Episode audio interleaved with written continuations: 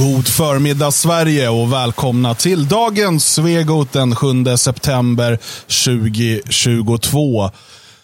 Jag heter Dan Eriksson och mitt emot mig där står Björn Björkqvist. och Magnus Söderman. härligt, härligt att ha er här i studion med mig i Svenskarnas hus. Att Tack ni får komma och besöka mig här är en stor ära för er helt enkelt. Det är kul Ja. att få vara i din närhet. Du upplyste hjälte och eh, över kucku. Tack. Jag har ju tagit på mig min finhatt idag för att hedra min, ja, närvaron här. Ja, det tycker jag är en mycket, mycket bra idé. Har ni bestämt hur ni ska rösta än? Absolut. Ja.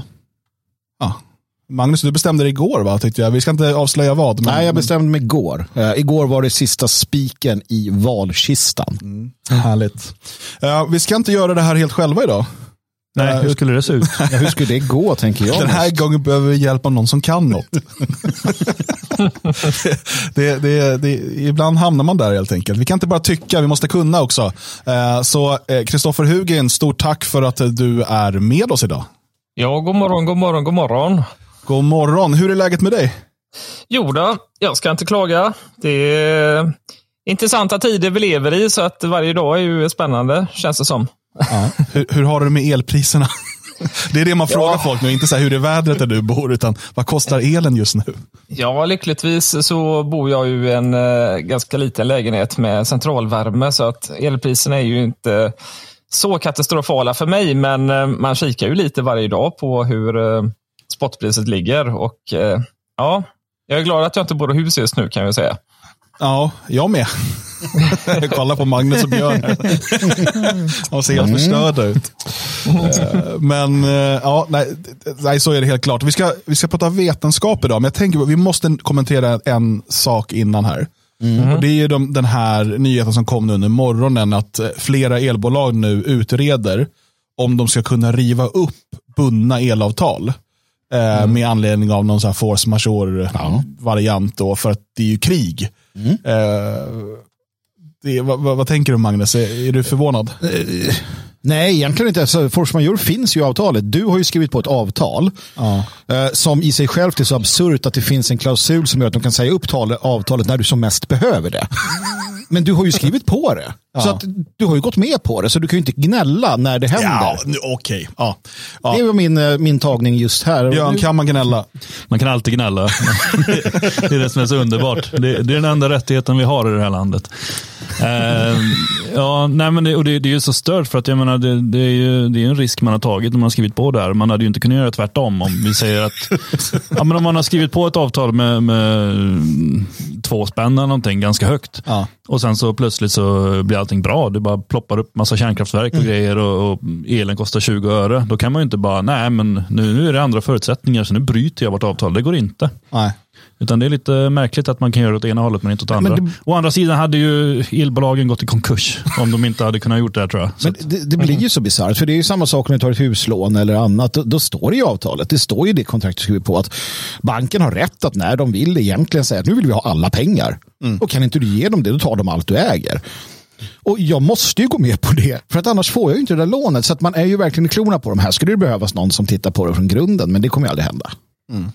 Ja, Jag vet inte, har du några tankar om det här Hugin? Uh, tror Ja, att det kommer, bli, det jag- kommer bli en hård överraskning för många tror jag ifall att de, deras uh, bundna avtal bryts om inte annat. Ja, jag tänker väl så här. Eh, Som jag har förstått det så är det väl mest elhandelsbolagen som eh, kan tänka sig hänvisa till for, force majeure. Och, eh, alltså, de tjänar ju inte särskilt mycket på elhandel. Elproducenten är ju en annan sak, men elhandelsbolagen då, eh, om de är nära på att konka så är det ju bättre att chansa att eh, bryta avtalen och hoppas på att de vinner i, eh, i en domstol sen. Än att inte göra det, för då kanske de går under. För jag vet i eh, England i vintras var det mängder med elhandelsbolag som konkade på grund av eh, priserna. Mm. Och det kommer nog hända här också. Jag tänker att eh, elverket var ingen dum idé.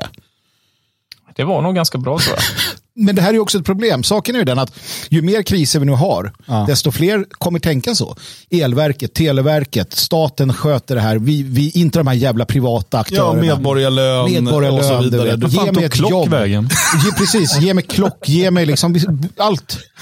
Ehm, så det kommer ju vara lätt att sälja in, eh, sälja in den nya marxismen när den ska The Great in. Reset, vi kommer välkomna den. Det kommer vi göra. Ja, vi också. Nej, det ska vi inte. Nej, vi får hoppas vi, vi klarar oss undan det. Eh, vi ska ju idag då eh, prata eh, vetenskap. Eh, och det vet man ska lita på vetenskapen. Det har bland annat Greta Thunberg lärt mig. Eh, och jag lyssnar mycket på vad hon säger. Eh, och du Hugin publicerade på din telegramkanal eh, en länk till en, eh, en studie då som publicerades. Den publicerades ju för typ tio år sedan. Ja, den är från 2013, så den, eh, den, den har några år på nacken, men den är fortfarande aktuell skulle jag säga.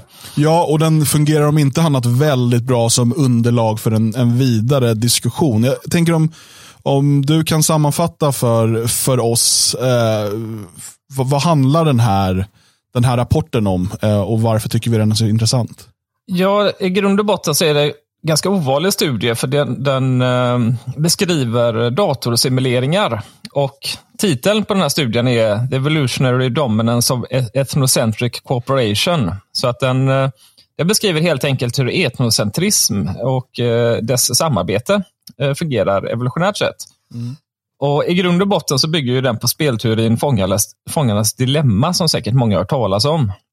Ja, Det- men för de, för de som inte har det, som Magnus står här och tänker att... Jag, jag, jag ställer frågan åt Magnus då. Ja. De som inte har hört talas om detta, vad är, vad är detta fångarnas dilemma? Precis. Ja, det, det är ju, kan man säga, ett eh, ska man säga, spelteoretisk beskrivning på ett matematiskt vis mellan hur två olika aktörer interagera med varandra, där var och en har olika eh, egenintressen. Så grundpremissen med Fångarnas dilemma det är att två personer har begått ett brott och så har de åkt fast. Och så sitter de separerade. Och Då handlar det om att eh, de kan tillföra sig själva eller varandra vinster eller förluster här beroende på hur de agerar. Det vill säga att A, han kan välja att eh, hålla tyst, kan han göra. Men han vet inte vad B kommer göra. Och om B också håller tyst så går de fria. Det vill säga de tjänar maximalt på, på detta bägge två genom att de inte anger varandra. Men A han kan också ange B, vilket innebär att då får A ett lägre straff och B får ett högre straff. Så B förlorar på eh, den handlingen. Och tvärtom, då, B kan göra likadant mot A. Eh, men det kan också vara så att bägge två vittnar mot varandra och då, då får de ett straff bägge två. Så det rationella i det här sam och inte gör någonting, men med risken att om de håller tyst och den andra anger eh, den personen som håller tyst så förlorar de på det. Just det. Eh, Så det är ju ett dilemma då, för det som är rationellt, det är ju egentligen att tjalla på den andra, men eh, samtidigt, om den andra tjallar på dig så kommer du ändå inte undan. Just det, men, men om du väljer att tjalla i det läget så ändå på något sätt så minimerar du ju risken Precis. genom att du får ett lägre straff, men du tar ju också bort eventuell uppsida. Exakt. Så att, Det eh, kan ju bli en tråkig period på kåken också. Alltså, jag, jag, jag, till, jag tillhör ju den eh, enkla människan här. Nu har du ägnat då två minuter till att säga att golare är inga polare. Ja, men lite, li, lite så är det faktiskt. För att eh, den chansen till den största vinsten för de bägge, det är ju om alla inblandade håller tyst och, in, och ingen golar på någon annan egentligen. Precis. Okej, så det, det är liksom fångens, eller fångarnas dilemma. Och det, det här är ju en, ja, precis, det är en, det är en klassisk sån spelteoretisk. Exakt. modell. Och då, då byggde de ju en, eh, vad ska man säga, en datorsimulering med Fångarnas dilemma som grund. Fast de försöker i princip att simulera eh, en civilisation, skulle man kunna säga. Eller hur folk funkar i naturen. Eh, genom att eh, grundpremissen är ju här att två olika aktörer, som det kallas då, eh, när de interagerar med varandra så kan det ju eh, få samma utfall som i Fångarnas dilemma. Det vill säga att bägge två tjänar på det, eller att den ena parten tjänar på det, eller att ingen tjänar på det. Och då har de delat upp de här tre, eller fyra olika evolutionära strategier då, eh, som, eh, som ingår i den här simuleringen. Och den ena är då etnocentrister. Och de samarbetar bara med aktörer från sin egen grupp, men inte med någon annan. Det- Det vill säga, de försöker bara gynna sin egen ingrupp då. Och sen så har vi humanister som samarbetar med alla aktörer, oavsett grupptillhörighet. Och sen har vi de själviska som inte samarbetar med någon, så de får inga vinster, men de får heller inga förluster. Och sen så har vi sist då, så har vi förrädarna och de samarbetar med alla utom med sin egen grupp. kan man säga. Så att eh, en förrädare då i eh, fångarnas dilemmasituationen, det skulle vara den som alltid kallar på, på den andra fången, helt enkelt. Eh, och då har man ju då plottat ut det här på en, eh, en spelplan, skulle man kunna säga. Jag tror det är 50 gånger 50 rutor och varje ruta kan, kan upptas av en sån här aktör och tillhör då slumpmässigt någon av de här fyra olika gruppstrategierna. Och sen så kör man den här som en simulering i ett antal cykler. Jag tror de har kört 800 till 1000 cykler. Så får man se hur de här grupperna växer och hur, hur de eh, växer sig starkare eller svagare i relation till varandra för att se vilken strategi som är den mest eh, framgångsrika helt enkelt. Precis, och varje sån här cykel har ju också eh, att man sätter in, alltså det de kallar då för de, ja, immigration. Man, man stoppar in en ny person eller agent eller liksom som, som, Exakt. Som det också ploppar upp en, en- slumpmässig Ja. eh, ny eh, agent på spelplanen och sen så har vi även det är ju immigration och sen har vi även mutation som innebär att en befintlig agent kan byta strategi slumpmässigt. Mm. Så han kan gå ifrån att vara förrädare till att bli etnocentrist helt plötsligt, Mm. exempelvis. Då. Och eh, då har man också räknat ut att beroende på hur utfallet blir av interaktionerna så påverkar det deras reproduktionsförmåga. Eller för att knyta till verkligheten då, hur, hur många barn de lyckas eh, skaffa till följd av de här interaktionerna. Då. Och Det är ju det som får de här grupperna att växa eller eh, krympa i relation till varandra. För att se vilken strategi som är den mest dominerande eh, enligt eh, de här premisserna. Då. Just det. Och innan vi kommer till någon typ av slutsatser, här, Magnus, så ut som du vill ställa någon fråga. Nej, jag bara försöker få, få grepp på, på, eh, på, på det här. för att eh, jag förstår, Sen trycker de på en knapp och så händer det grejer. Men alltså, hur, hur vet man att de inte har programmerat in eh, bias? Alltså, hur, hur vet man att det inte... eh, alltså, hur, hur, jag fattar inte.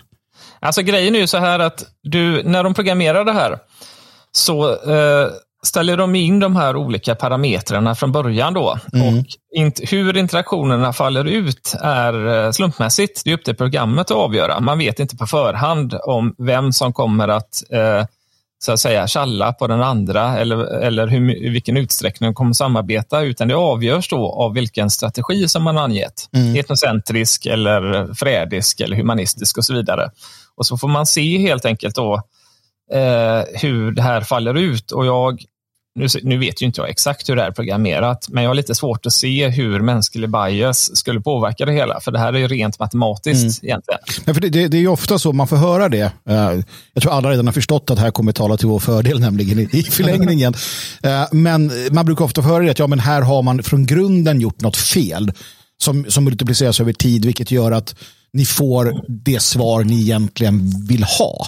Ja. Eh, Det är ofta det, vi finns ju, det när- finns ju saker man kan kritisera i det här och jag tror vi kommer komma till det sen också. Eh, För att det är också det att människor är ju mer komplexa än de här fyra.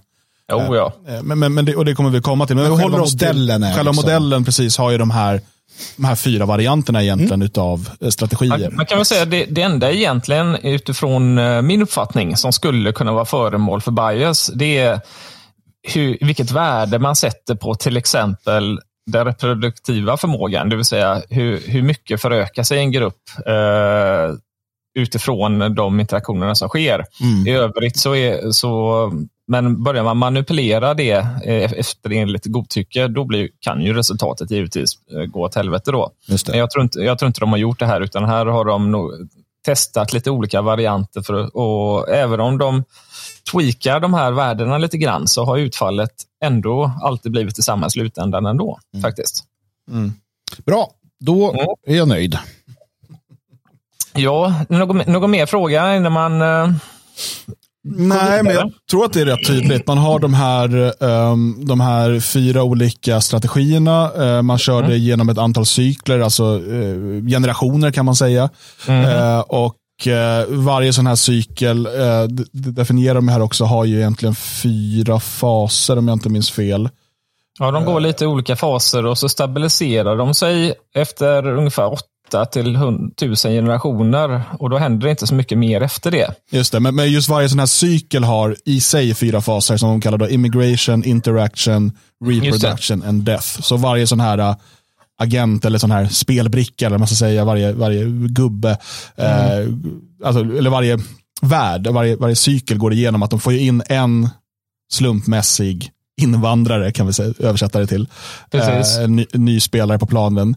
Eh, och sen interagerar de med varandra.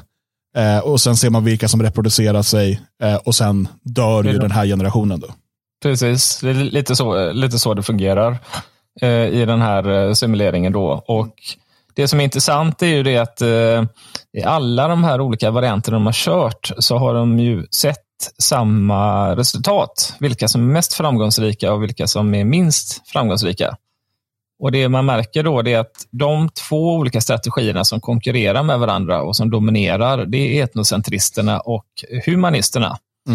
Medan de själviska som inte interagerar med någon och förrädarna, de lyckas aldrig lyfta. Liksom. Så de, de, de lyckas aldrig bli, utgöra ett hot mot, eh, mot de övriga. Eh, och Det signalerar ju då att att inte interagera med någon eller att alltid förråda sin egen grupp är inte särskilt evolutionärt framgångsrika strategier.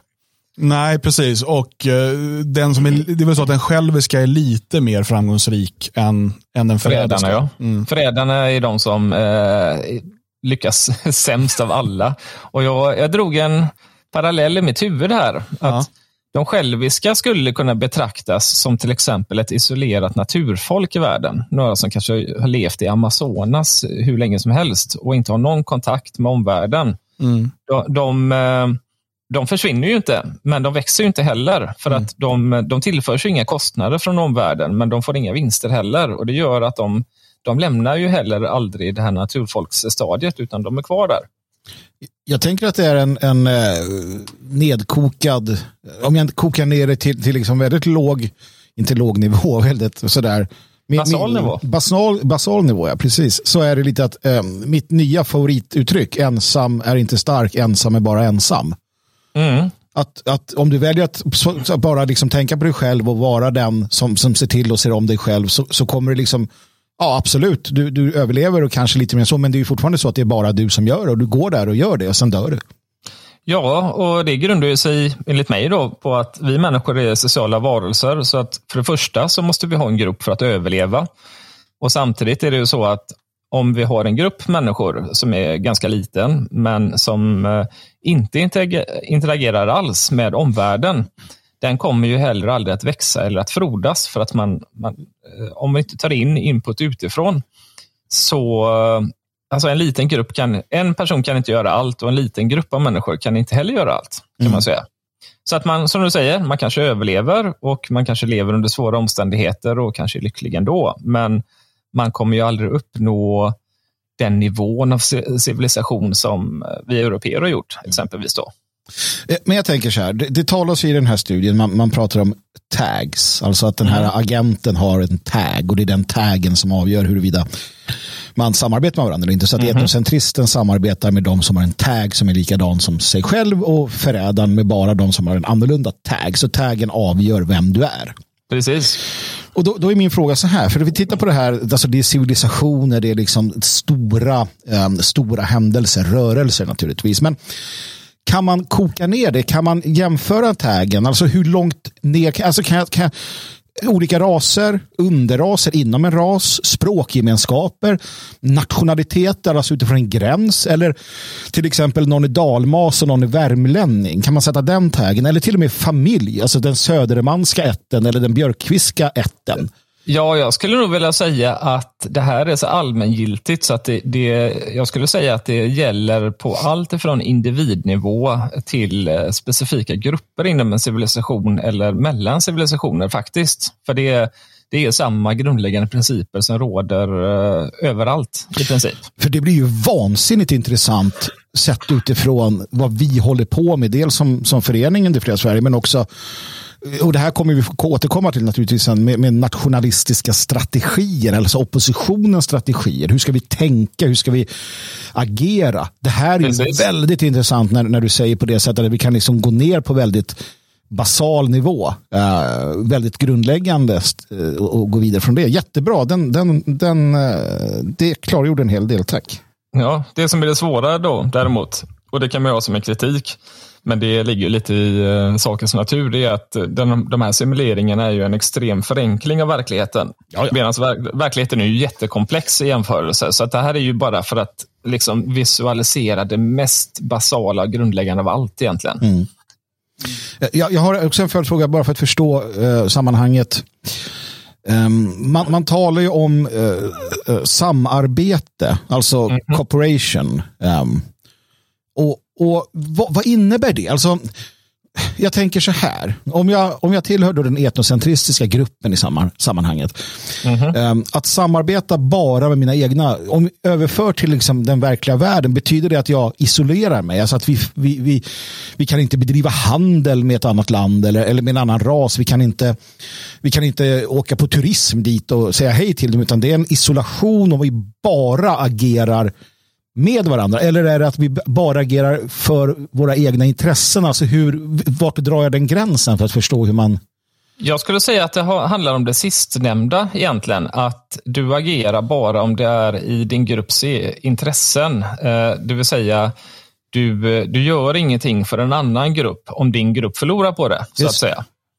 Eh, om du jämför då med humanisterna i den här simulationen, de samarbetar med alla aktörer oavsett grupptillhörighet. Men det här gör ju också att de eh, löper risken för att freeriders eh, ska man säga, parasiterar på dem. Mm.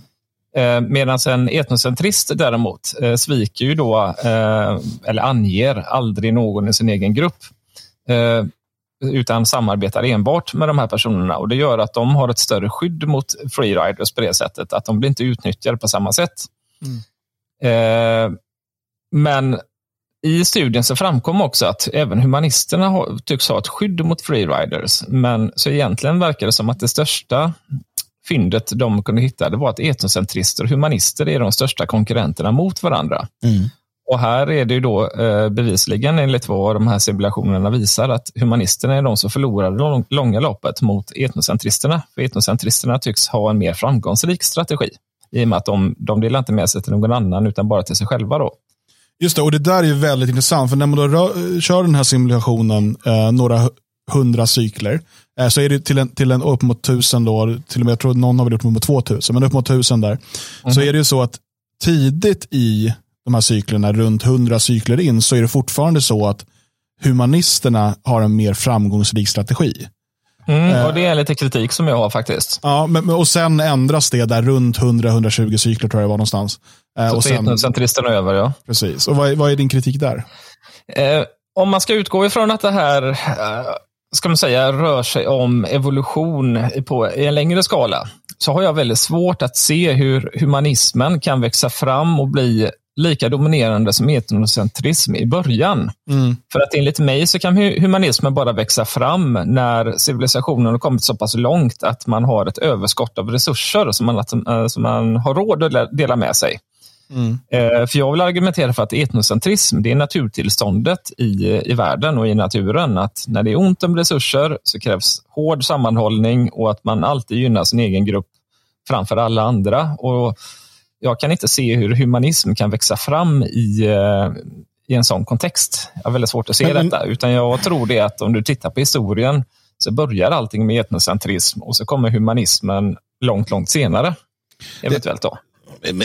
Menar man humanism alltså som den liksom filosofiska politiska idén nej, som nej, vi förstår nej, den? Utan eller? nej, utan det här är bara att man då Samarbeta med alla. alla. Oavsett om man tar ingen som helst bias Nej. mot någon annan grupp eller så. Utan för då, det spelar ingen roll vem som tjänar på det eller vem som förlorar på det. Utan... Nej, men då, för då tänker jag ju på de imperialistiska liksom, statsbildningarna i historien som, som usurperar och tar in och, och är färgblinda eller är liksom kulturblinda så länge de blir en del av eh, imperiet så att säga.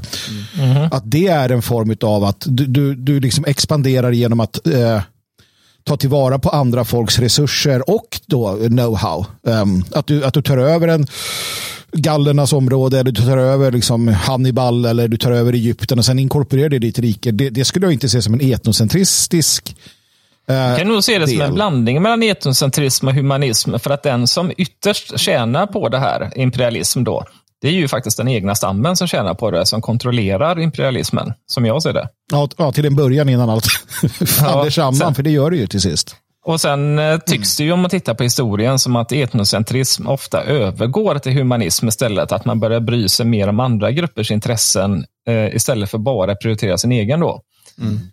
Eh, och därifrån, eh, om man tittar på verkligheten, så känns det som att humanism övergår till den förrädiska strategin sen, fast bara för de som har makten då.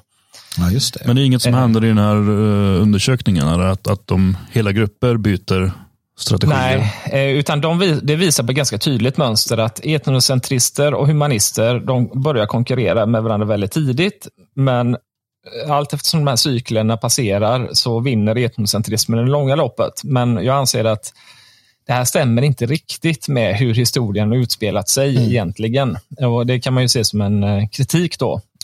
Och eh, även En annan kritik jag har det är att alla aktörer på spelplanen har eh, lika stort inflytande och lika stort värde också. Mm. Eh, och så ser det inte heller ut i verkligheten med tanke på att vi har eliter och vi har den stora massan med det vanliga folket. Just det. Eh, och det är därför jag menar det att i den världen vi lever i idag, där är ju våra eliter är ju i princip förrädare. För att de samarbetar med alla andra utom med sitt eget folk. Och folket tvingas till att bli humanister eh, genom eliternas politik. Mm. Jag tänker att Och- man kan se de här agenterna eh, kanske som ledare för olika civilisationer snarare än individer. då. Ja, det, det är nog, tror jag, en, kanske en bättre beskrivning att se det som en eh, kamp mellan olika grupper faktiskt. Ja, jag, jag tänker också i sammanhanget, ehm, om man ser det som individer på något sätt, då, då, då missar man ju en sak också tycker jag.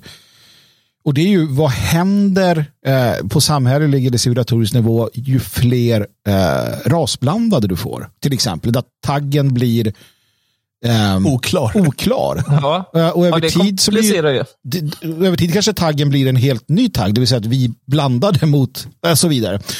Eh, alltså att, att, att det finns ju inte med i, i den här beräkningen naturligtvis, så det är liksom fyra taggar tror jag. Eller, ja. Ja, fyra stycken. Ja. Ja. Men för det är också någonting, vad händer i liksom, du har en, och, och ju fler rasplaner det blir, vad blir det av det? Ehm, så att säga. Och det, det är det som vi befinner oss i den tiden nu och, och behöver fundera på också. Så att den ger ju inte alla svar såklart. Det, ehm, Nej, jag skulle ju tro, om man tittar på hur verkligheten ser ut idag. Eh, nu ingår ju inte detta i de här simulationerna, men ha- man hade ju kunnat göra det. Så, så ser man ju ganska tydligt att om vi säger att vi har eh, en eh, en person som är en produkt av en, en svensk och kanske någon som kommer från tredje världen. Det blir ju det, skulle jag tro, en kombination mellan en humanist och en etnocentrist. Och de tenderar ofta, dock inte alltid, att själva bli etnocentrister eh, åt den sidan som är dominerande, vilket oftast är pappans sida.